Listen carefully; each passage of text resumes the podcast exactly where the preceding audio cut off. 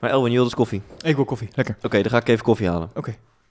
Ja, laten we dan ook meteen, ehm, zoals we eerlijk, een eh, sponsor-announcement doen. Oh, Eh, deze podcast wordt mede mogelijk gemaakt door het Nespresso-apparaat van Sydney Brouwer. Ik- Sydney heb- Brouwer is spreker klantgerichtheid. Wil je meer over Sydney Brouwer? Check dan even zijn website sydneybrouwer.nl. dankjewel Sydney. Het is de lekkerste koffie die ik vandaag heb gedronken. Even- Geluidseffectje.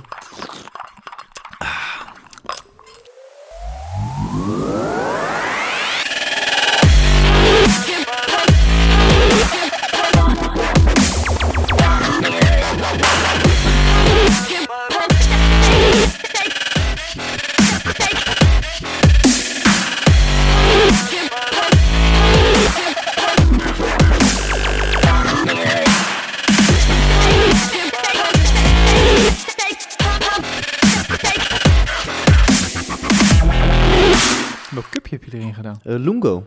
Oh, ik dacht... Dat is eh, van de Starbucks. Ehm, na lang experimenteren, we dachten eerst de espresso is het beste. Ja? De dark espresso of zo. Maar de Lungo van de Starbucks is nog veel beter. En elke laatste vrijdag van de maand, als je zo'n pakje cupjes voor je espresso-apparaat koopt, krijg je daar gratis een drankje naar keuze bij. Echt waar? Ja. Oké, is Dat het een soort dus- van best is- bewaard geheim dit? Eh, en dat was dus eergisteren. Dus ik weet niet... eh, ja, dat heb je, heb je dat net gemist. Nou, fijn. Moet ik weer een maand wachten. Oké, nou, net. Lekker.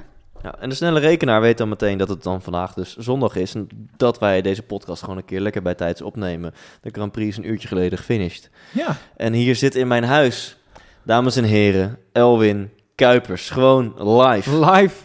Gewoon met een fatsoenlijke mic. Ja, en een fatsoenlijke mind, dat ook. Ja, ook dat. Ja, dat gaat op zich lekker. Ja. Bruine eh, ogen, je hebt wel een beetje walletjes. eh, Ja, Elwin. weet je, maar ik Hoeveel uur had je gewerkt deze week? Ik zit in een vrij eh, heftige eh, eh, werkperiode. En dat zegt Ja. iedereen natuurlijk altijd. Als je vraagt, hoe gaat het? Ja, gaat het druk. Goed, Ja. maar druk. Ja. En ik, en ik vind zelf dat ik het ook heel druk heb. En, maar dat is ook zo. Ik, eh, ik, ik, ik, heb een, ik ben een experiment aan het doen. Ik probeer drie werkweken in één week te stoppen. Ja. Lukt aardig op dit moment. Je gaat straks eh, ook... We moeten dus eh zometeen, in ieder geval... We, we kunnen niet langer dan eh, drie kwartier podcasten. Nee. Want daarna moet jij alweer door Ja. voor je volgende klus. Ik moet weer naar het koerhuis moet straks. Dan he- heel kort, en daarna gaan we het over Formule 1 hebben. Die Jet Rebel. Ja. Die kan wel een showtje neerzetten. Vet, hè? Holy fuck. Want daar, ik, ik heb jou zien shi- zien shinen gisteren. Potverdorie. Want dames en heren, Elwin Kuipers is, eh, behalve dat hij eh, technicus is bij de 100% Inspiratieshow, host van de Popstation Podcast, is hij ook eh, backliner slash guitar tech van onder andere Jet Rebel. Zeker. En eh, zag ik jou een paar keer het podium oprennen om eh ja, Jelte van de juiste gitaren te voorzien.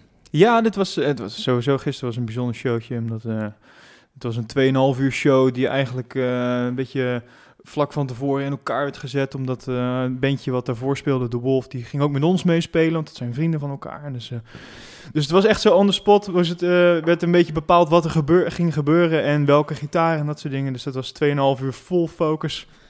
Alleen maar naar jou te kijken van eh, wat gaat er gebeuren. Ja, en, en misschien mag je het helemaal niet op de eten zeggen, maar ik, eh, bij- de 3 Fem Awards ramde hij een git- gitaar helemaal naar de getver. Ja, dat klopt. Eh, Had hij dat, was dat bij de repetitie ook bedacht? En had hij expres een gitaar gepakt die, ook niet, die, die, die niet meer dan een paar honderd euro was? Of eh ramde die gewoon een Gibson eh, Les Paul van Eerlijk 1600 gezegd heb euro? ik eh? dat niet helemaal meegekregen, maar eh, het enige wat ik wel weet is dat, eh, dat hij uiteindelijk niet helemaal kapot is gegaan. Hij, is nog, hij zit nog steeds in, eh, in onze Oh. Want hij pakte hem echt bij de hals en Ja. hij ramde gewoon die body vol Ja. tegen de grond. Maar Ja. hij is niet gebroken Nee, we hebben hem nog steeds mee. en het grappige is, dat ding klinkt eigenlijk best nog wel aardig voor... want volgens dus mij is het geen heel duur gitaar. Dus dan heeft hij hem meer gegooid dan echt mee geslagen. Want ik denk als je echt beukt, dan, dan, dan breekt de hals wel. Ja, ik denk dat je, als je meer op de hals zou, eh, zou raken, dat hij dan Ja. eerder, eh, eerder knapt. Of je moet er gewoon een fik steken, zoals Jimi Hendrix deed natuurlijk. Ja, dat kan ook. Ja, Green Day deed het vroeger ook, hè? ja, Zette ja, ja. De, na een showtje hele drumstel in de fik. Gewoon dat kan. Ja, gewoon een beetje, een beetje spiritus eroverheen, een vlammetje erbij. En, eh, Ben je dan als, als endorser van drumstellen, ben je dan blij dat dat gebeurt? Of, eh, ja. of denk je dan weer, nou, we zullen maar weer nieuwe gaan sturen, want deze is Mhm. ook kapot? Nou ja, ik als endorser van duurzaamheid ben natuurlijk sowieso eh, niet zo blij mee. Eh, Nee. Wat ik dan wel rock'n'roll vind, is gewoon even je snare drum door je hi-hat heen beuken of zo. Dat dan is alleen één Ja, vel kapot. dat? Ik, ik vind het altijd zo zonde, jongens. Wij dachten, ja. Ja. Ja, maar maar misschien met- ben ik daar... Bij- grote producties denk ik dat ze toch elke optreden een nieuw snarevel hebben. Misschien Of, vind ik eh, het zonde omdat ik, eh, omdat ik dan denk van... Oh jee, nou moet ik het weer gaan maken. Misschien Ja, dat ik dat- met die mind ernaar Dat is kijk. Oh, nee. Ja. Ja. Oké, oké. Maar eh, laten we bij het begin beginnen. Ehm, er is Oh. er een jarig. Hoera. Hoera. Nou, dat, dat, kun je wel zien. dat ben ik. Is... Oh, Maar nou, waarschijnlijk als dit eh, online komt, dat is eh, eh, waarschijnlijk 1 oktober. ja. Dan, ja, dat is mijn verjaardag. Jeetje. Potverdorie, het is een dag na... Max. Juist, Ja. daar, daar doelt Ja. hij natuurlijk eigenlijk Ja, ja, op. Max. Verstappen. Jeetje. Maar jullie zijn na elkaar jarig. Dat, Ja. dat kan geen toeval zijn ook. Eh, nee, zeker niet. Behalve dan dat ik een paar jaar eerder was. Dus ik, uiteindelijk kan ik zeggen dat ik toch sneller ben dan Max. ja, ja, dat is wel zo. Want Max komt uit 97, hè? Jeetje. Dat is ongekend. Eh, 21? Ja, geworden dan, 21 hè? geworden. Ja, hij is eh, nu officieel eh, volwassen. Ja, potverdorie. Ja. Ik, ik zag het ook wel. Bij dat interview net, in dat rondje, Ja, zag ik toch een volwassen man vierkantje, zeshoekje. staan. Vierkantje. Ja, maar niet uit wat het ook Ja, is. ja, ja. Oké, oké, maar eh, neem eens mee, eh, Kuipers. Waar, eh, waar gaan we beginnen? Waar gaan we beginnen? Nou, we zullen beginnen bij het feit dat eh, eh, Max eh, in Moskou is gestart, deze race. Dat is, eh, dat is vrij uniek, maar eh, met 43 plaatsen teruggezet worden is uitgerekend dat je dan in Moskou begint. Ja. en ehm, dan heeft hij het nog vrij goed gedaan. En dan kan je zeggen dat hij Ja. het vrij goed heeft gedaan. Want na twee rondes lag hij, was hij ineens in Sochi. En lag hij, lag hij op de plaats 15, 13? Wat Ja. was het? 13? hij werd door de beveiliging werd hij gewoon doorgelaten. ja, hij ja, mocht het circuit hij op. Gewoon in één keer door. Hey, maar mag ik daar wat over zeggen? Ja, dat En ik denk namens heel veel luisteraars en mede Formule 1 fans. En zeker, ja, als je niet een diehard fan bent, luister je deze podcast niet. Maar misschien ook weer wel dat je juist zoiets hebt van, nou, ik heb geen zin om pep talk en alles te volgen en Formule 1 café en ik luister gewoon een Popstation podcast. Ook heel verstandig. Logisch, snap ik. Want of je nou een diehard fan bent of niet, de- de- er moet een natuurkundige die de Nobelprijs ooit heeft gewonnen voor eh, wiskundige formules eh, aan te pas komen om te weten hoe die starting grid Ja. zeg maar is. En ik heb een ideetje. Hoe moeilijk is het? Je hebt gewoon de kwalificatie. Dan heb je gewoon 1 tot en met 20. En als je gewoon daarna kijkt, oh, maar jij hebt 15 gridstraffen en je bent als, ik weet, doe maar wat, tweede gekwalificeerd. 2 plus 15 is plekje 17. Als het gewoon, als het gewoon is, je kwalificatie plus het aantal gridstraffen. Mhm. Dat, dat Ja. lijkt me gewoon logisch. Het Ja. is nog steeds ingewikkeld. Want Ja. sommigen hebben dan 40 gridstraffen, sommigen 65. Dus dan zou je een soort van plek 73 starten. Maar ja, dat, dat schuift dan gewoon in elkaar. Maar dat zou volgens mij nog te begrijpen zijn. Maar nu hebben ze allemaal details aan toegevoegd. Van als je de wie als eerste bij de vrije training de baan op is. eh, die heeft dan eh, voorrang. Dus dan tellen je gridstraffen minder. Nou, Ja. Ik, ik kun je het niet gewoon doen in de volgorde van eh, waarin je, wanneer je aangeeft van oké, wij hebben nu als team besloten wij gaan dit vervangen. Wij zijn als eerste van alle teams die voor de volgende race hebben aangegeven wij gaan dit vervangen. Ja. Eh, daardoor eh, eh, komen wij het minst ver achteraan te staan. Snap je? Ja, ja, maar ik vind zelf, die timing, vind ik het onnodig complex maken. Ik, ik zou willen pleiten voor kwalificatie plus aantal plekken gridstraf. Ja, of, je, of je nou gisteren of vorige week die motor hebt aangevraagd of vervangen hebt. Ja, ik snap het. Dat timing ding, dat is natuurlijk wel eh, een beetje onhandig. Want dat is ook de reden waarom dat eh eh Lando Norris al drie dagen voor de vrije training al klaar stond in, zijn auto. ik, ik, ik zag de inderdaad baan op, om op, op gaan. Instagram zag ik beelden voorbij komen dat hij de dinsdagmiddag stond hij er al. Alleen maar omdat als je als eerste dan op de baan bent... Want dat was het ding, toch? Als je Maar dan, bij de eerste vrije training... Ja.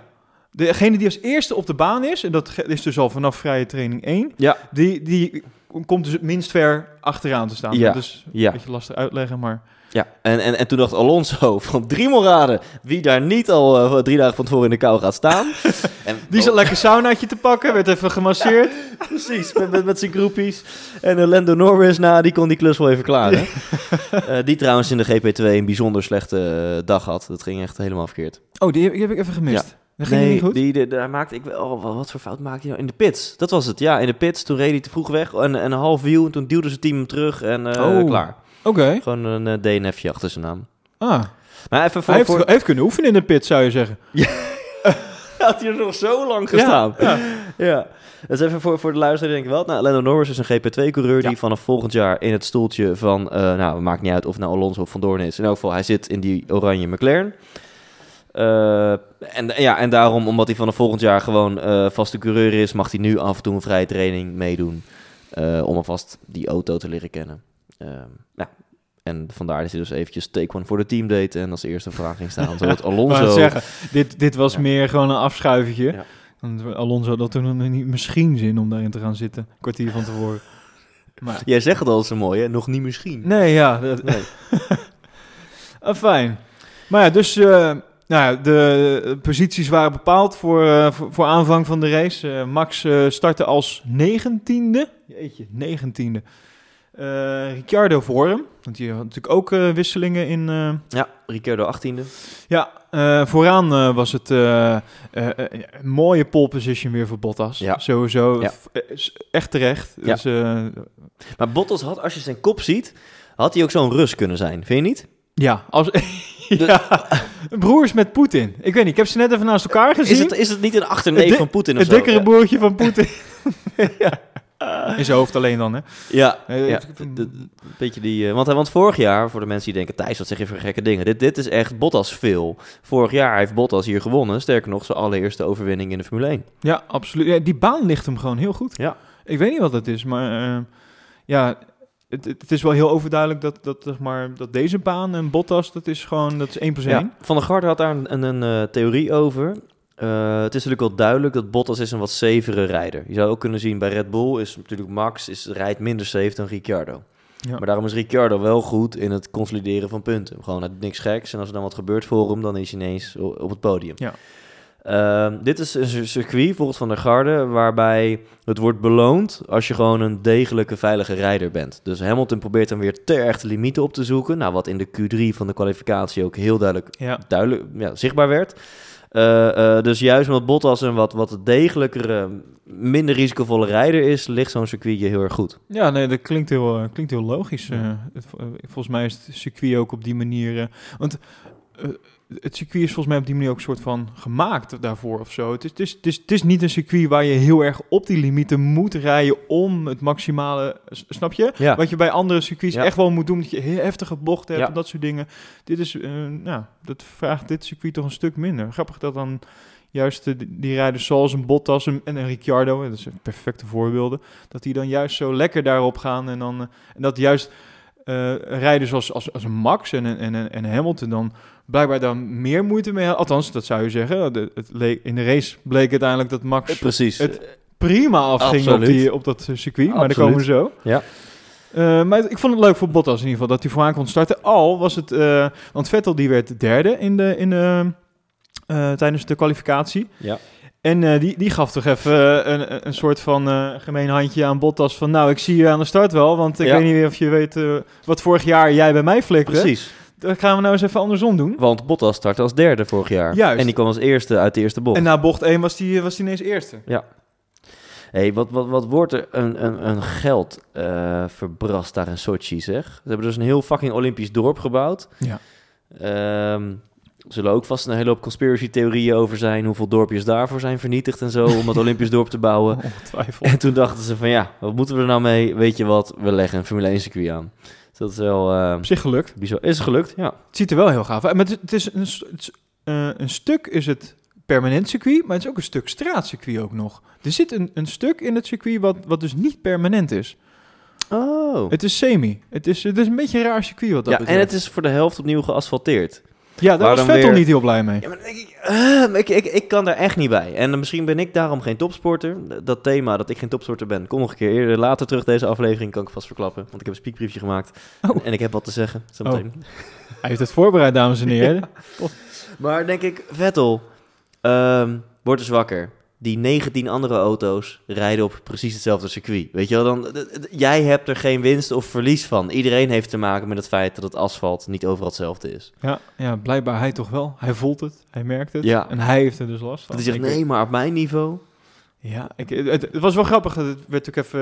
eh, Jack Ploy liet het even zien eh, in, in het stukje voordat, eh, voordat de race begon. Dan zag je echt een heel duidelijk verschil tussen heel donker asfalt. En no- nota bene op de plek waar een Ferrari stond. Ik weet niet of het de auto van Vettel was. Ja, dat is de achterkant van Vettel. Ja, ja, dat je dan zeg maar. Voor, het voorstuk was zeg maar. eh, donker asfalt. En dan op, op, op de achterbanden, op de helft, werd het ineens licht asfalt. Ja, ja. Ik denk dat hij daar de race al heeft verloren, Vettel. ja hè? Ja, Mentaal. ja, nou, ja en waarschijnlijk ook eh, fysiek eh, met de bandjes. Ja, precies. Want hij startte Die dus eerste slip, nog- juist. ja. Precies. Ja. zie je, ik zou het toch aangeven bij de FIA misschien. Ja, ja, als we dan toch het nu gaan hebben over causale verbanden. Ehm, ja, wat vind je van die, van die klapper tussen Ericsson en Gasly?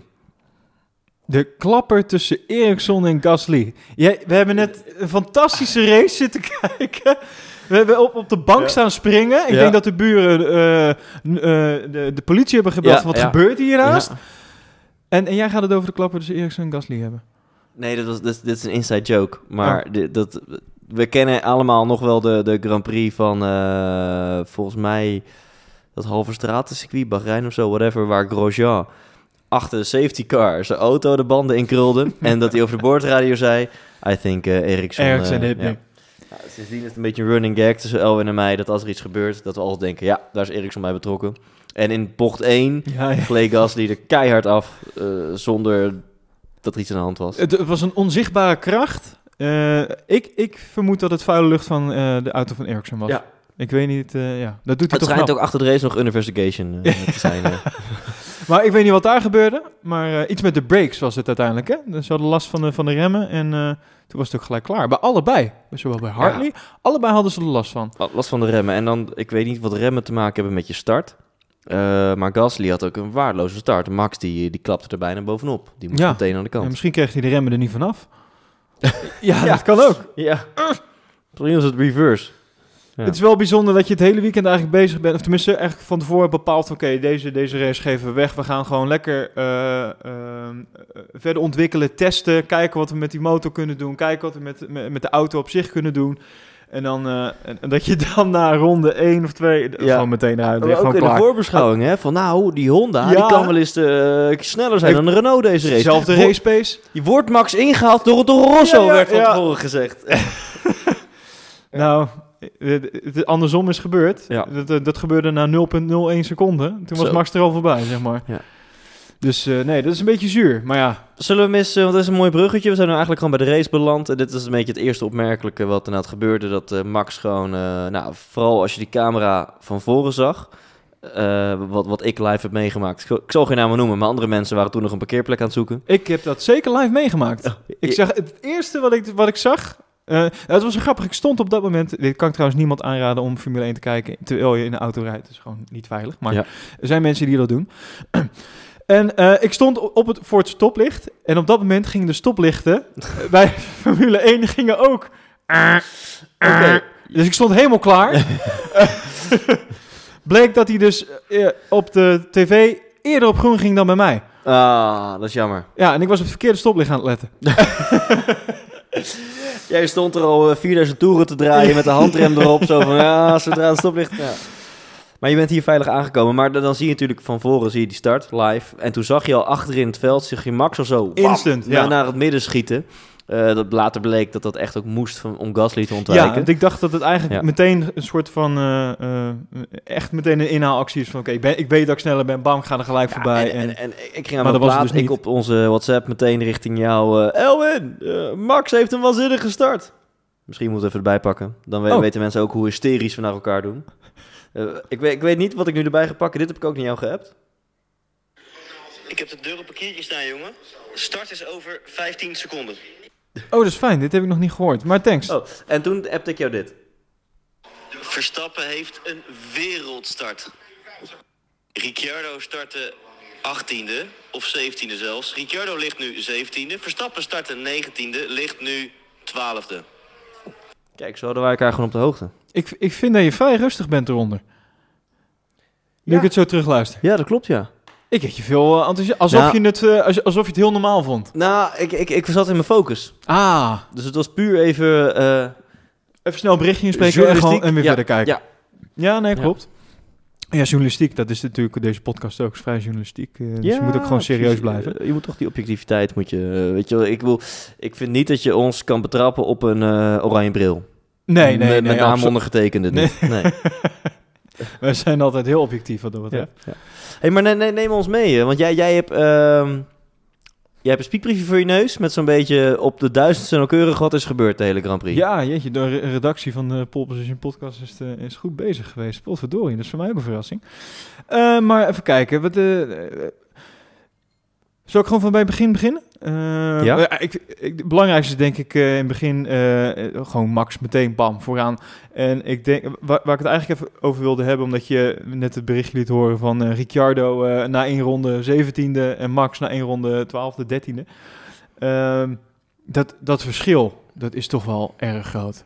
En ook aan het, uiteindelijk kwam Ricciardo wel dichterbij en is hij uiteindelijk zesde geworden. Maar dit kan toch niet? Ik heb het hier even voor mijn neus. Eh, Verstappen is over de finish gekomen als vijfde op 31 seconden vanaf Hamilton. En Ricciardo komt binnen als zesde op 80 seconden. Dus Ja. daar zit inderdaad 49 seconden tussen. En dat is meer dan een seconde per rondje. Dat vind ik veel. En nou, eh, nou hadden ze het eh, bij de nabeschouwing bij onze vrienden van, van Ziggo. Hadden ze het eh, over van ja, is mentaal. En hij heeft wel afscheid genomen van, eh, van, eh, van Red Bull en dat soort dingen. Ik vind dat onzin. Je bent toch gewoon een topcoureur of je bent het niet. En als je een topcoureur bent, dan, dan, dan ga je er toch gewoon plankgas op. En, en, en blijkbaar he- heeft het racegolfme van, van, van Max is gewoon duizend keer zo groot als dat van Ricciardo. En ik weet niet, maar dat, Nou ja, ik, ik geloof er wel in. Ik snap wat je zegt. Als topsporter moet je toch al- altijd voor de winst gaan. Dit is toch geen Eh, visitekaartje naar Renault? Kijk jongens, Nee, maar je doet het natuurlijk ook niet vooral, je doet het niet bewust. Je ziet dat hij eh, vanochtend is wakker geworden met van, nou, ik ga vandaag ga ik toch eh, op 60% mijn best doen. Maar als je, als eenmaal het vuur uit je, uit je lijf is, uit je ogen is, dan, dan, dan ga je gewoon, ja, dan ben je, heb je een andere focus, heb je een andere scherpte. En ik weet zeker, Ricciardo aan het begin van het seizoen had echt niet 49 seconden achter Max geëindigd eh, zonder rare omstandigheden. eh, eh, dat ben ik met je eens, maar ik, ik snap het niet. Ik kan het niet begrijpen. Je, bent, je doet wat je het aller, allerliefste doet in de wereld. Ja. Of nou, waarschijnlijk één van de twee, drie dingen die het allerliefste doet in de wereld. En dat is in een raceauto zitten op een circuit met 19 anderen en laten zien dat jij de beste bent. Ja. En het maakt toch niet uit in, in welke auto zit, met welke sticker erop. Jij wilt er gewoon altijd laten zien, ik ben gewoon hier de fucking beste. En dat, het, het verschil tussen hem en Max is gewoon veel te groot. Nou, hij heeft ook, en het is ook wel een beetje opgeblazen, want ik las de kop van het artikel, dat was... Ricciardo kampte met motivatieproblemen of zoiets. Of, of Ricciardo... En toen ging ik het interview lezen en toen had Ricciardo alleen gezegd... Dit seizoen schommelde soms mijn motivatie. Dat is het enige wat hij zei. en de kop van het artikel was echt van eh, Ricciardo is motivatieloos of zoiets. Ja, ja. Eh, maar da- da- daar zegt hij wel wat mee. Dit, dit seizoen schommelde mijn motivatie. Dat, dat is wel, dat zeg je niet zomaar. Ehm, dus, ja, bon, op- Maar zou Max dit nou gebeuren?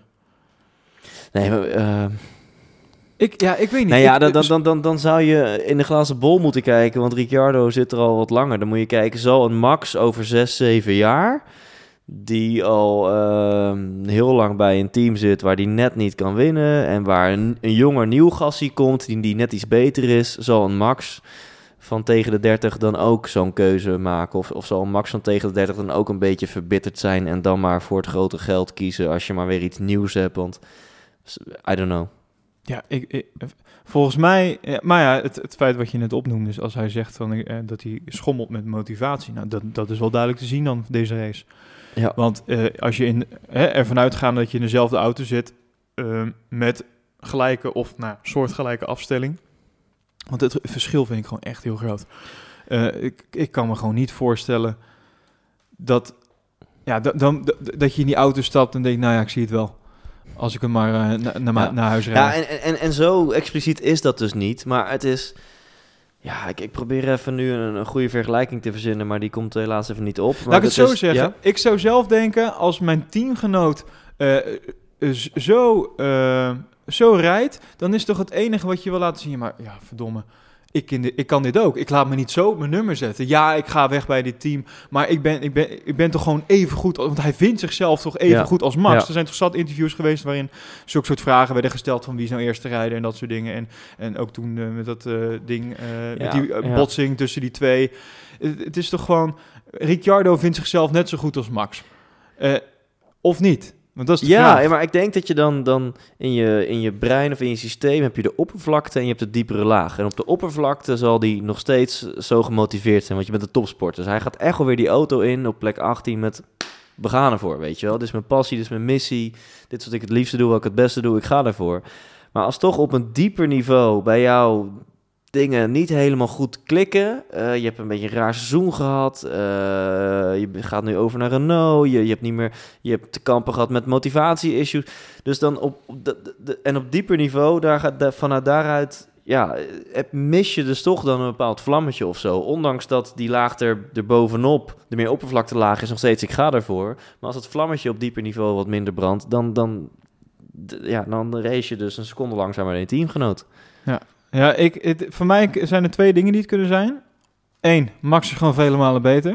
En Mhm. ik denk als je de cijfers er in ieder geval bijhoudt van dit seizoen, eh, dat Max eh, meerdere keren voor Ricciardo Ja. is geëindigd, zowel kwalificatie Sinds- als, als in de race. Sinds Monaco heeft sowieso Max elke keer beter gekwalificeerd dan Dus, Ricciardo. dus, dus dat, dat, eh, of eh, het andere kan zijn is dat eh Daniel Ricciardo een eh, mental coach nodig heeft. Ik heb begrepen van Jan Lammers dat dat eh, de, wel eens de oplossing kan zijn. Jij legt weer bruggetjes, Kuipers. normaal, hè? Ja, vertel. Wat, ehm, wat heeft Nou- Jan Lammer? Ja, vertel. Nou, ik, eh, eh, eh, ik, ehm, ik weet even niet meer over welke coureur... Oh ja, dat ging over Vettel natuurlijk. Dit ging over, Ja. over Vettel Ja. en over het feit dat... eh, dat volgens mij heeft hij dat zelf aangegeven. eh, dat, dat hij eh, bezig is geweest met mental coaching. Omdat hij best wel... Nou, nou, oh, jij, ja, jij- volgens mij had iemand heeft gezegd... eh, Vettel heeft een mental coach nodig. ja. En toen was ook een beetje de stelling in het Formule 1 café... Dat, dat, oh ja, dat Vettel kan geen goede mental coach vinden. Was geloof ik ook de stelling. En de stelling is ook... Vettel stelt zich niet coachable op. En uiteindelijk Oh, ging de oké. discussie aan de tafel van het Formule 1 café... En toen zaten jij en ik met gespitste oren te luisteren... want dat is ons andere vakgebied... Absoluut. ging over eh, een mental coach. Eh, zal dat nu helpen of is dat onzin? Ja, dat vond ik een hele interessante discussie. Waarbij eh, nou ja, Robert Doornbos, die, eh, die vond het langzaam een heel klein beetje zweverig worden volgens mij. Die, dacht die legt van- een link naar Astro TV. Ja, ja, ja, klopt. Ja. Nou ja, die, die link leg je niet zomaar. Eh Astro TV staat nou niet echt bekend in de volksmond als eh, een betrouwbaar en eh, Nee, nee, nee, precies. eh, zinvol platform. ja. Maar ja, ik, ik- denk dat jij en ik het allebei over eens zijn dat eh, mental coaching eh, key is in dit soort... eh, tenminste, key kan zijn in dit soort dingen. Ik, ik was verbaasd over hoe een aantal intelligente mannen, waarvan ook nog eens twee van de drie topsporter of ex-topsporter aan tafel, op, op zo'n, ja, misschien mag ik wel zeggen, laag niveau aan het discussiëren waren over, ja, eh, zal een mental coach, zal een mental coach helpen, ja of nee? Wat ja, de f- ja, jij schoot volledig in je weerstand. Ja, moet, moet je nog iets leren over de verhouding lichaam-geest? Je bent fucking topsporter. Je wil op het hoogste niveau dat je mind en je body presteert. Die zijn samen één. Natuurlijk helpt een mental Ja. coach. Maar volgens mij, eh, Tim. Tim zat er, Tim Coronel? Eh, nee, Tom. Of Tom? Nee, sorry. Nee, Eh, Tim- Tim ja, zat ja, er, want Tom de, de, de, de, de B-coronel, dat is eh, Tim. de ja. B-coronel. Nou ja, Het broertje van, letterlijk en figuurlijk.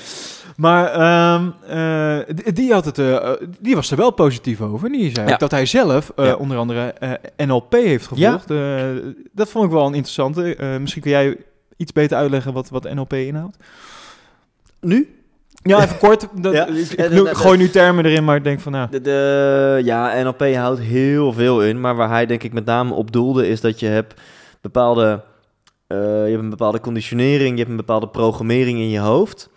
En eh, dat is geen feit. Dat is niet in beton gegoten. Daar kan je met bepaalde technieken kan je daar wat mee doen. Dus op het moment dat jij bijvoorbeeld door kritiek dat dat aan jou blijft kleven en dat je door die kritiek dat je, dat je niet meer met een positieve mindset die auto ingaat, kan je eh, ehm, zonder NLP zou het zomaar eens kunnen dat het dan maanden aan je blijft kleven totdat het langzaam een beetje weg hebt. Nou, met de NLP-techniek, het zegt het al, neurolinguistisch programmeren. Oftewel, je gaat de taal van jouw brein, die ga je programmeren, kun je ervoor zorgen dat met een oefeningetje dat ineens die hele druk of die negatieve mindset of die overtuiging door de kritiek, dat dat ineens van je afvalt. Ja. Dat je na die oefening denk je weer aan die kritiek. En waar, waarbij het een half uur geleden nog frustratie en, en, en, en een lage ademhaling triggerde, merk je nu van, oh, nou, doe maar eigenlijk niks meer. Ja, Dat iets- is toch een lange uitleg, maar goed. Dus NLP zijn techniekjes om de, de, de verbinding in je brein, de, de, de, eh, ja, de conditionering, de programmering in je brein om die aan te passen. Ja, nou, ik, ik ken na deze race iemand die dat goed zou kunnen gebruiken. Die heet ene V. Bottas. Eh, want als er iemand is die even wat heeft te verwerken na dit, na dit weekend, dan is hij het wel. Zo.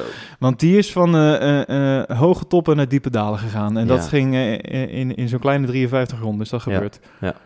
Want aan de start was het nog de man. En de man die pole position had gepakt. En die gewoon een heel goed week, ja, goede vrije training. En goe- gewoon echt een goed weekend reed.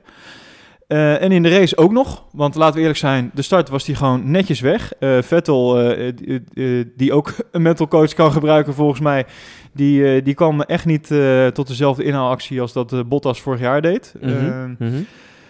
maar op een gegeven moment kwamen er toch... ik, en het was grappig. We zaten uiteraard samen te kijken, ik en Thijs. En op een gegeven moment zagen we een beeld komen vanaf de, de pitmuur... met een vingertje op het ledje tactics. En Ja. toen zei ik al tegen Thijs, ik zeg, ik ben benieuwd of en wanneer er teamorders gaan komen voor Bottas. En in diezelfde ronde kwam nog de boordradio. Nee, niet diezelfde Oh, nee. ronde. Jij had, je, jij had net de, het laatste woord van jouw zin uitgesproken. en voor ons neus al haalde Hamilton Bottas in. Het was wel heel obvious. Dus dat was ik echt, waarom die bocht? Weet je wel? Waarom heel specifiek bocht? Oké, ik snap dat je specifiek zegt waar het moet gebeuren om, om ongelukken te voorkomen. Maar waarom dan bocht 13? Waarom niet gewoon op het rechte 14? stuk? ja. Nee, ja, wat, maar wat, wat vind jij ervan thuis? Want er, er wordt natuurlijk een, een, een hele drukke di- discussie nu over gaande. Van, ja, heel veel mensen zijn het er echt, echt mee oneens dat dit is gebeurd. Ehm, Ja, nou, dit is eh, waarom ik mogelijk geen topsporter ben, v versie 2. Ik, ik, ik heb hier twee meningen over. Eén is richting Mercedes en de andere is richting Hamilton. Eh, laat ik met Mercedes beginnen. Ik fucking love, of vooropgesteld. Ik, ik vind het heel raar en, en, en wat dat betreft ben ik dan misschien te lief. Denk ik van ja, het is topsport en het gaat om miljoenen hele grote belangen. Maar eerlijkheid is toch ook nog wat waard? Je wilt toch ook, maar blijkbaar niet, hè? Want in de geschiedenisboeken onthoudt iedereen wie seizoen 2018 wereldkampioen is geworden. En de manier waarop, dat vergeten we. Dus, nou goed. Dus ten eerste, als Mercedes zo laf is, en zo laf zijn ze dus, om zo'n teamorde te doen, denk ik, maak het dan op zijn minst expliciet. Weet je wel? Zeg dan gewoon, Bottas, je gaat nu Hamilton voorlaten, want we willen graag dat Hamilton wint. En nu, ja, Ja. Hamilton heeft blaren op zijn banden en die moet even voor, want ja, what the fuck? Dus nou, dat is mijn eerste mening.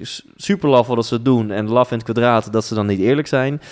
En mijn tweede mening is, als ik Hamilton was geweest, eh, dat weet je natuurlijk nooit, maar dat is mijn stelling. Dan had ik het niet eens had ik het niet toegelaten. Van jongens, no fucking way, zo wil ik niet winnen. Dan had ik hem of aan het einde weer teruggegeven, of ook gewoon op het boordrijder gezegd: hey team, eh, laat maar zitten. Ik wil niet dat Bottas me voorlaat.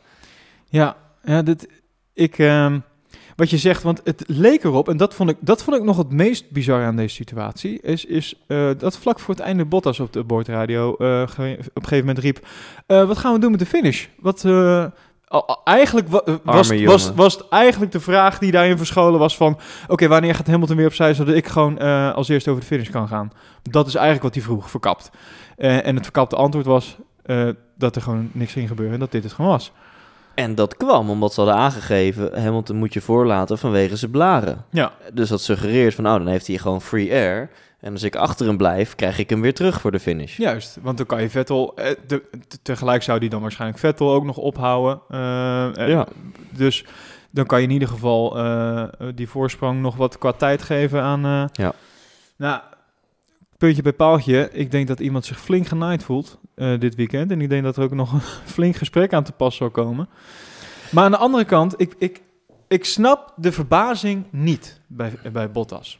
Want ehm, volgens mij, als je eh, met Lewis Hamilton als teamgenoot tekent eh, bij een, ehm, een club als Mercedes, dan, eh, en je weet wat jouw positie daar is, namelijk tweede rijder, dan, kan ik, dan begrijp ik niet, zeker niet eh, gezien de stand van het WK. Nou wil ik niet zeggen dat het heel, heel spannend is, maar het, er is nog niks gespeeld. Dan kan ik, me niet, kan ik niet begrijpen dat je een soort van verbaasd bent dat je eh, de eerste rijder en degene die kans maakt op de kampioenschap aan je voorbij moet laten gaan. En dat, dat je ook niet begrijpt dat het, dat het team gewoon daarvoor punten, punten wil gaan pakken. Ik snap, ik snap dat je ehm, ehm, boos kan zijn op het feit hoe dat wordt gebracht naar je, want dat is natuurlijk een beetje raar. Maar uiteindelijk, je weet toch waar je voor tekent? Je, je tekent voor ik ben tweede rijder, je tekent voor ik, ik, ik teken voor een kampioenschap met het team, of eh, en tegelijk teken je voor het helpen van je teamgenoot Ja. eh, naar, naar de overwinning als je in die Ja. positie komt. Dat, dat is toch geen verrassing? Ja, dat la ja, eh, kijk, of, of in Bottas' contract letterlijk staat, je bent tweede rijder, dat weet ik niet. Ja, Ik- ook met het, Ik denk dat er ongetwijfeld inderdaad wel in zijn contract zal staan van... hé, hey, je hebt je teammaat te helpen aan de WK-titel. Ja. Maar blijkbaar, ehm, dat is denk ik dus de fout van Mercedes... heeft Mercedes gewoon niet transparant gecommuniceerd. Bottas had hoop. En die hoop had Mercedes Bottas helemaal niet moeten geven. Dus ik snap dat jij zegt van... hé, hey, waar komt zijn verbazing vandaan? Maar blijkbaar heeft Mercedes dat niet duidelijk van tevoren gecommuniceerd. En daar is Bottas verbaasd. Nou, verbaasd is een understatement of the year. Daar is Bottas pist over dat, dat, dat Vin zijn hoofd van hem ontplofte. ja, nee, echt. Dat, eh, dat stond echt op onweer. zo. Ehm je had nog een mooie, mooie opmerking over het plaatjeswoordenboek.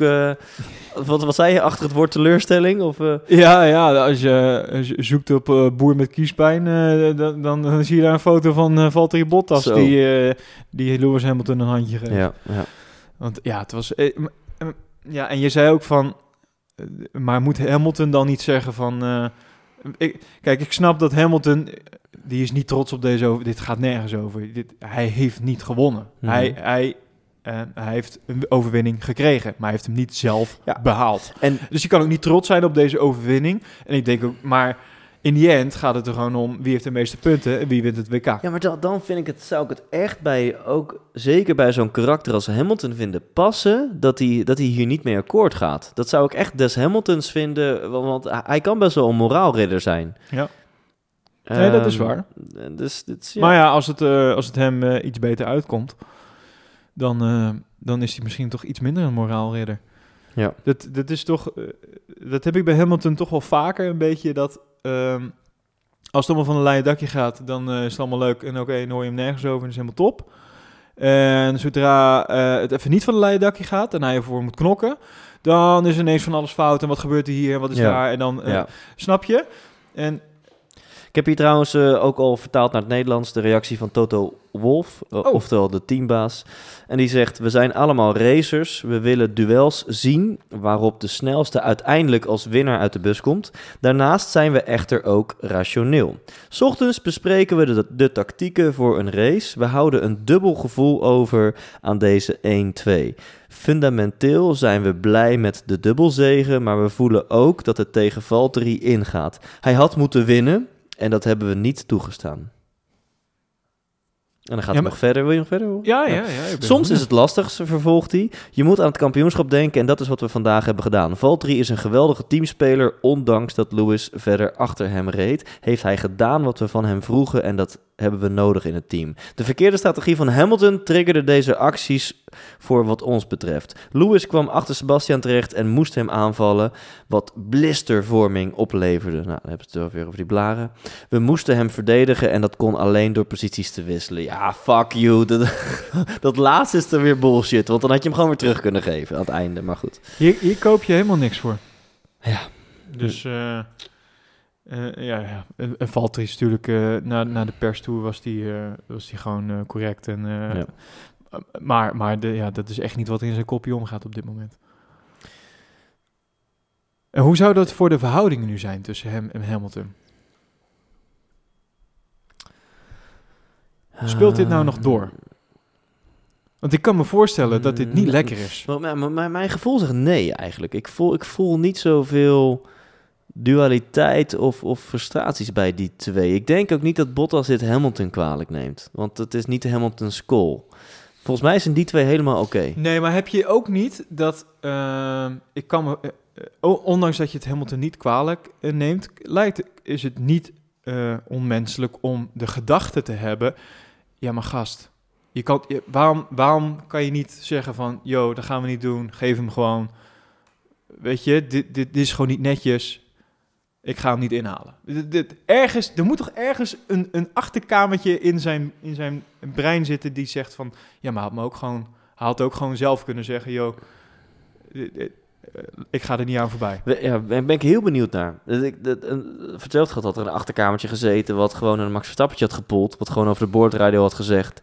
No! Gees er maar voor. En, en dit is eh, waarom ik geen topsporter ben, versie 3. Ik, eh, ik hè, zoals mensen mij kennen, als ze mij kennen, als jij me kent, hè, lijk ik iemand die zijn emoties redelijk onder controle heeft. Dat zou in, in dat soort situaties, als Bottas, zou ik echt kunnen snappen. Ja. Dan zou ik echt in staat kunnen zijn om, om, om eh, vlak voor de finish vol op mijn rem te trappen. En dan gewoon een meter voor de finishstreep die auto stil te zetten, uitstappen, middelvingers opsteken naar je team. En vervolgens zie je wel hoe je leven verder eindigt. maar om gewoon even een statement te maken. Dat, dat is waarom jij nooit een topsporter wordt, deel 4. Als je, als je het ooit zou worden, dan is dat meteen ook het je laatste jaar. ja, precies. Hey, over verhoudingen gesproken. Ja. Ik eh, beland toevallig in een overzichtje in de, de kwalificaties. Hè, dus dat is echt zo'n dingetje van, hè, ben je beter dan je teammaat? Dus wie outqualified zijn teammaat? Er zijn een aantal teams waarbij de verschillen niet zo boeiend zijn. Bij Williams staat Sirotkin iets voor. Eh, bij ehm, Haas staat Magnussen iets, maar niet zo boeiend. Bij Renault helemaal niet, staat 9-7, praktisch gelijk. Eh, bij Mercedes valt ook nog wel mee, namelijk 10 staat tot 6. Oh, Ja, dus dat, dat, ja. Dat had ik. Oké. ja, van de 16 heeft bijvoorbeeld Bottas een 6 gepakt. Maar er zijn een aantal teams die ik even wil uitlichten. Ja, nou, daar gaan we. Zijn dat toevallig teams waarbij eh, de rijdersopstelling eh, van dit jaar eh 100% verschilt van volgend jaar? Ook, Of, ook. of zeker 50%? Ja, precies. Ja, bijna allemaal. Dat is wel een geinige verhouding. Ik denk de teams die ik nu ga opnoemen zijn allemaal teams waar, waar de grote eh, verschillen zijn volgend jaar. Eh, laten we dan beginnen bij Ferrari. Ja. Eh, van de 16 races heeft Vettel 13 keer eh, Kimi geoutqualified. Dus dat staat 13 voor Vettel, 3 voor Kimi. Red Bull. Daar wil ik even iets over zeggen. Al vind ik het... Eh, elke keer kantje boord. Want elke keer... Ik heb echt een aantal keer dat... dat dat hij er net weer onderdook. Het, terwijl het eigenlijk bleek dat... Ik, ik zou me kunnen voorstellen... Dat je als Kimi zijnde... Dat je daar op een gegeven moment helemaal scheidsziek van wordt. Dat je denkt, ja, maar... De- deze Ja, is van mij. Deze is van mij, vriend. En dan, dan, dan denk ik toch wel, 13 keer kantje boord is geen toeval, maar dat kan twee dingen betekenen, denk ik. Meerdere, maar ik, twee komen in me op. Eén, en Ferrari zie ik daarvoor aan. Sterker nog, hebben ze in het verleden gedaan dat gewoon Vettel betere onderdelen heeft. Ja, dat zou kunnen. En twee, waar we het net over hadden, toch het stukje mentaal. Vettel strijdt om de wereldtitel, Kimi niet. Dat is, dat is toch, een, heb je je vlammetje voor 100% of voor 90%? Nou ja, of het kan juist eh, zo werken dat, eh, omdat Kimi hem...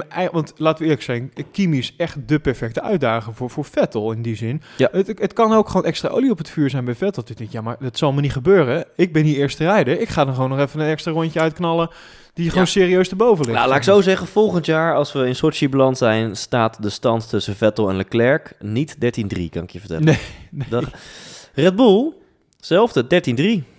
En jij bent voor wie? Red Bull, 13-3. Ja, ja. ja. Voor, eh, voor Maxi. ook- ja, ja, tuurlijk, voor Max. Voor Maxi. Nou, Snel. dan, dus Renault is niet opmerkelijk, Haas is niet opmerkelijk. McLaren, mag jij raden wat de stand bij McLaren is?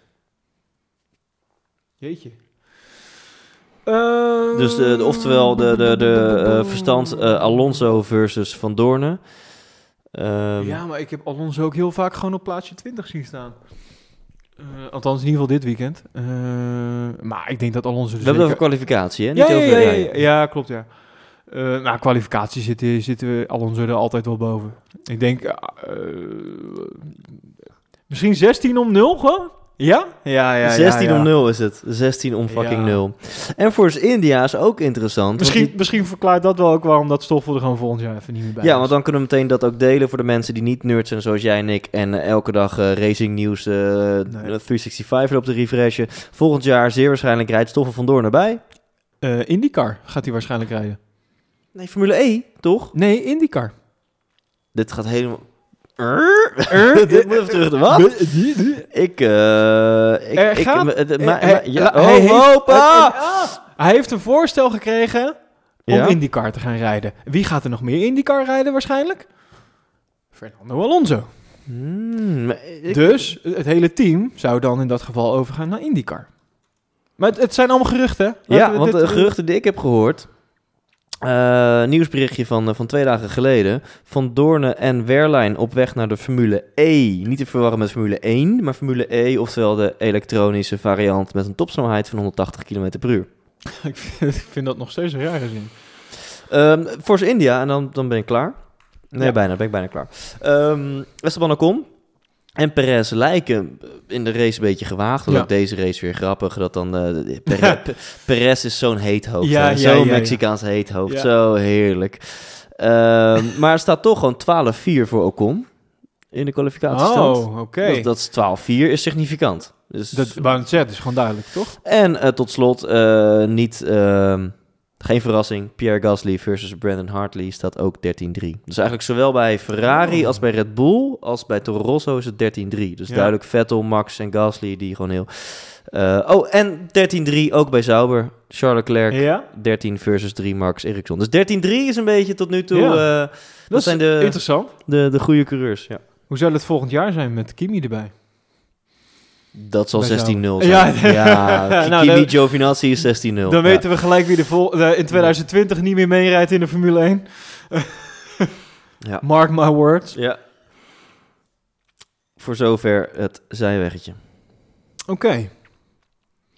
Ik eh, eh, eh, hebben we nog wat over de race. Ehm, eh, ik, heb, er- ik heb er een heel goed gevoel bij gehad. Als in, eh, ik heb eh, echt genoten van Max. Ja? Van alle inhaalacties, van, van hoe snel die eigenlijk voorop lag eh, eh, en, en hoe steady die heeft gereden.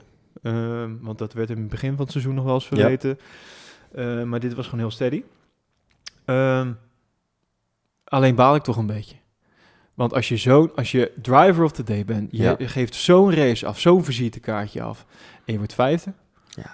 En dan is, het, dan is het bijna jammer dat je dus moet stoppen. Ja. En dan ben ik heel nieuwsgierig. Stel, die regel was er niet geweest.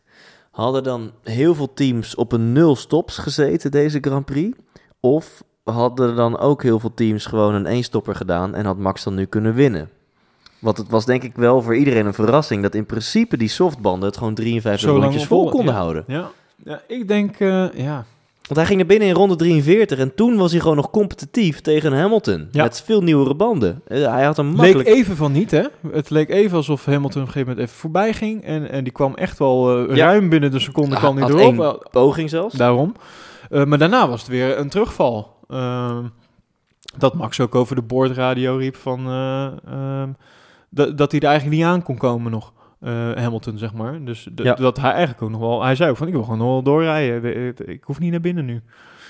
Uiteindelijk volgende rondje, of twee rondjes later, hij Ja. zelfs toch nog naar binnen Ja. voor die banden, zeg maar.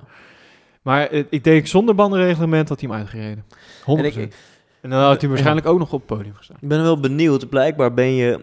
Wat als je over de finish komt en je hebt maar één setje banden gebruikt? Dan krijg je blijkbaar... Thuisstraf of zo? Nee, Of word je ik- gewoon ik, teruggezet ja, precies. in Ik denk dat je gewoon wordt gedisqualificeerd. Dat, Oh, dat zou... Ja, dat denk ja. ik. Ja. Want als stel dat het een 10 seconden tijdstraf zou zijn, had Max hem beter door kunnen knal- knallen. Ja, klopt. Nee. Ehm, en eh, Olaf zei nog iets interessants, maar de, ik, ik heb even niet goed gehoord wat hij daar nou bij zei. Of dat volgens de reglementen wel of niet mag. Maar stel jouw pitbox is aan het begin. Maar dat is bij Red Bull niet zo, want volgens mij kregen de pitboxen in de volgorde van het Constructeurs Championship. maar stel je pitbox is aan het begin, zou je nog kunnen zeggen: ik ga de laatste ronde naar binnen. Verse bandjes, ik voldoe aan het reglement. En in de pitstraat ga ik over de startstreep. Ja, ik vraag ja, me af of dat zou mogen. Ja, dat weet ik eigenlijk niet. Wel interessant. eh, maar ja, het is helemaal niet gebeurd uiteindelijk. En, eh, Nee, nee.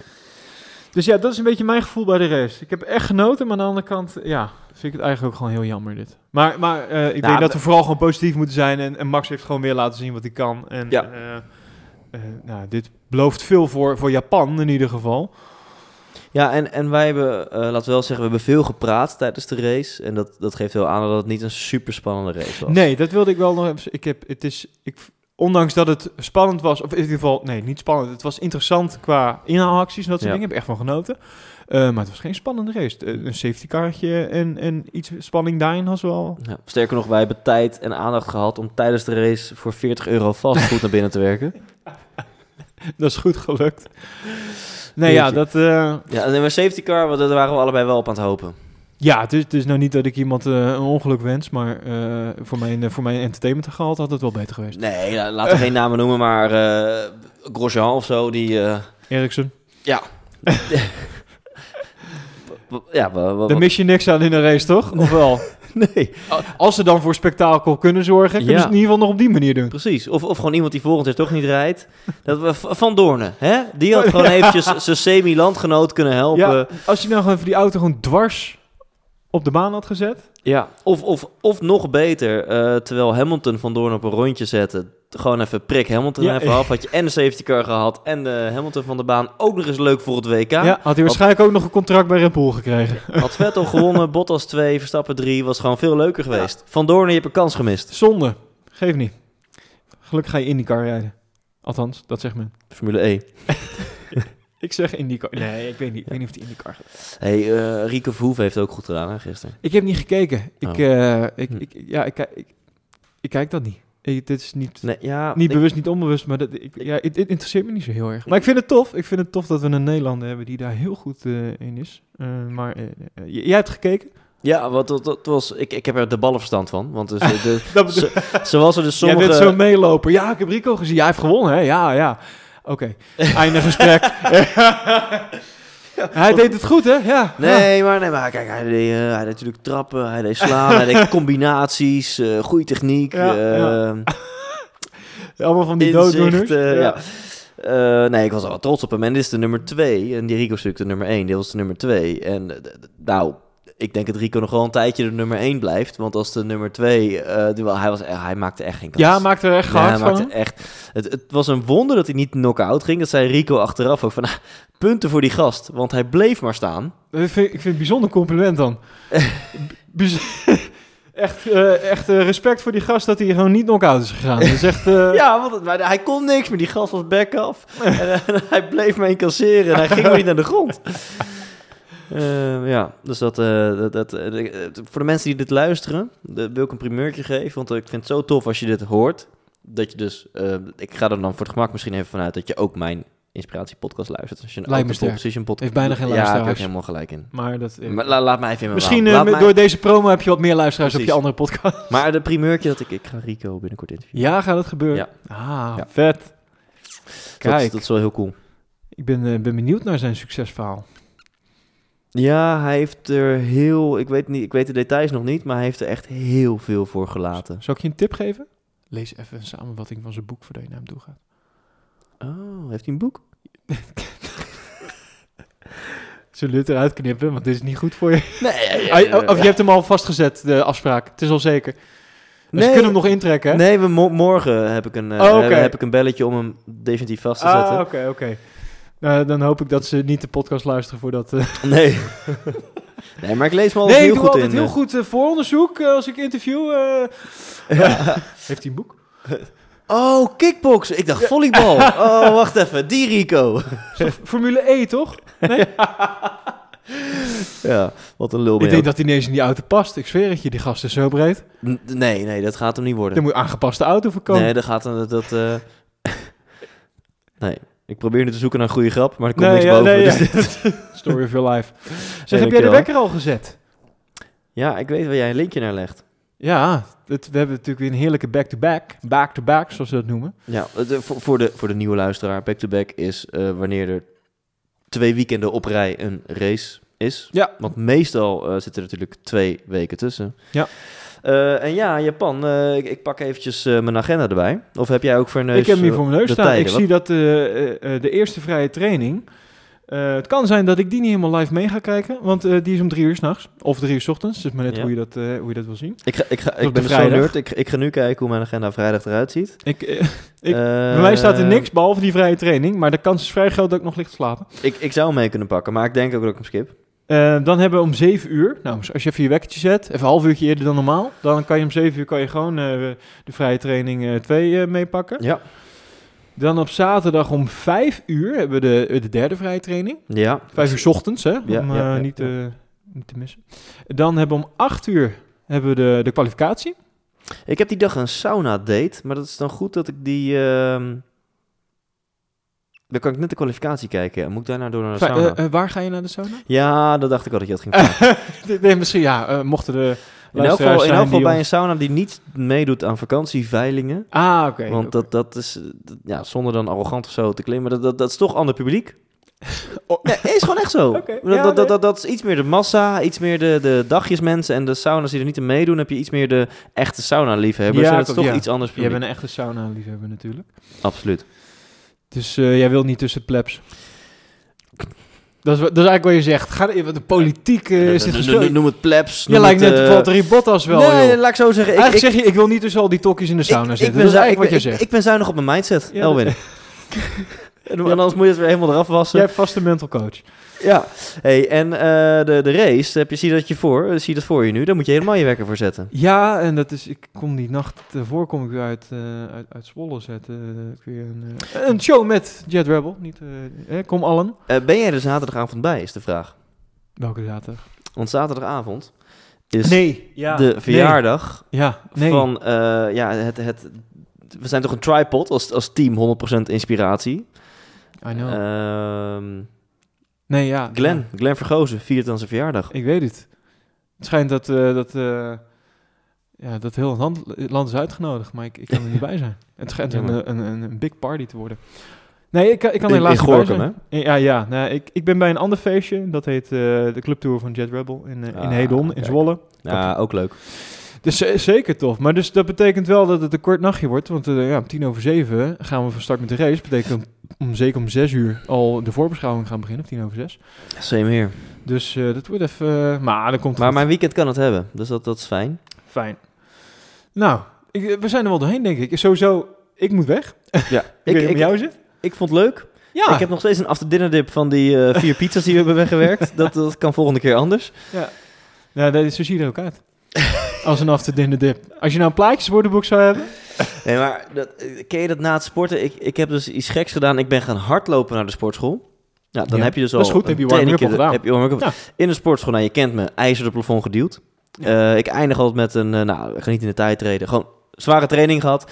Daarna pak ik de sauna. Dus weet ik een kwartier lang eh, helemaal kapot. Pak even een koude douche. Trek ik mijn hardloopkleertjes weer aan om weer terug naar huis hard te lopen. Ik kan je vertellen, daarna heb je honger.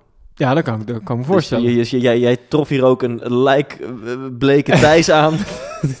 Het is dat je de deur had open gedaan. Anders was het waarschijnlijk niet meer open gegaan. Dan had je de kracht er niet meer Ja, voor gehad. nee, maar toen we ook de bestelling plaatsten en ik een appje kreeg van thuisbezorgd van het, het gaat een uur duren voordat er bezorgd wordt. Ja, toen kreeg je een lichte zenuwinzinking. To- toen vroeg ik me oprecht af, ga ik het halen? Maar gelukkig, dames en heren, Eh, de, de Katjan Peders heeft me... is het doorheen gesleept.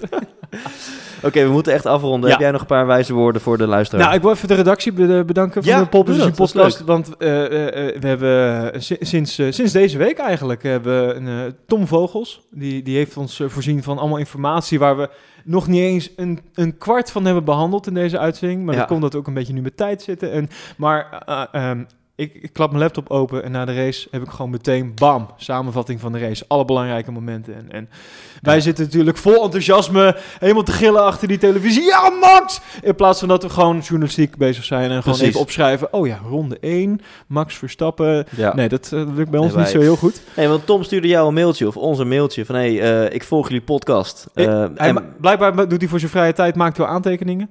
Ja, dat, dat deed hij toch al? Ja, dat deed hij toch Ja. al. Dus, eh, en, en bij deze dus Tom Tanks. Ehm, Tom Vogels, dames en heren. Applausje, Tom. Dankjewel. Redactie van de Pop Position podcast. En, eh, en daarnaast wil ik nog even... Ik heb eigenlijk niet... Dat doen we volgende week behandelen. Want ik weet zeker... Nou, ik heb, weet niet, ik heb niet gecheckt. Maar ik, wil, ik vind het nog leuk om even reacties te hebben op de podcast. Even wat Ja. mensen ervan vinden. Laat even... maar hebben we überhaupt reacties? We, hebben... Nou, vorige keer hebben we het behandeld. Ik weet niet of we nieuwe, rea- nieuwe reacties hebben. Maar eh, laat La- even je- review achter. Hoe doe je dat thuis? Als je dit hoort en wil je net als Tom Vogels een eervolle vermelding in de 100% Inspiratie podcast en wil je bijdragen aan jouw karma, de kans vergroten dat je in het paradijs en of de hemel komt, dan kan je op iTunes, maar ook op Android, waar je deze podcast luistert, kun je een recensie achterlaten. Eh, een een 5-star rating zijn we sowieso super blij mee. Het mag ook een 4-star rating zijn, maar, maar en een tekstje, dat vinden we super leuk. Dus laat even weten wat je ervan vindt. En dan gaan we dat gewoon in de volgende aflevering naar Japan gaan we dat voorlezen. Eh, heb je net als Tom verbeterpunten of feedback, dan kan je ons ook gewoon e-mailen. En Elwin weet inmiddels, was het nou Elwin? Of info at? Eh, info volgens mij. Info at poppositionpodcast.nl. Dat, ja. info at poppositionpodcast.nl kun je ook gewoon mailen. En we hebben zitten ook op Instagram, hè? Popposition.nl. Dat dus, zijn we steeds actiever. Eh, en dat was hem dan. Tot slot, deze podcast wordt ook mede mogelijk gemaakt door de 100% Inspiratie podcast. Want we hebben de apparatuur geleend eh, van die... ja, dat vind ik gewoon super sympathiek. Ik ken toevallig Ja. die, die, die gasten. En eh, wel echt, ik, ik, er zijn ook een paar mensen waarvan je gewoon ziet, die gaan groot worden. Weet je, die, die hebben Ja. alles. Die zijn knap, eh, intelligent, snel, humoristisch, charmant, eh, spiritueel, empathisch. Ja, en die beginnen dan een podcast over Formule 1. oh nee, dat bedoelde je niet. Waar ging je naartoe? Nee, ja.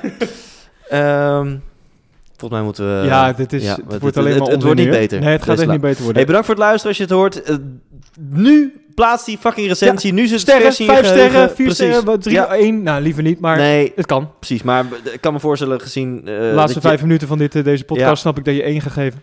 Nee, even, eh, vinden we leuk. Een beetje interactie met de mensen die luisteren. Want eh, we zien wel dat er wordt gedownload. En we zien dat mensen eh, actief zijn met luisteren. En we krijgen ook wel wat reacties, maar ik weet zeker dat er veel meer zijn.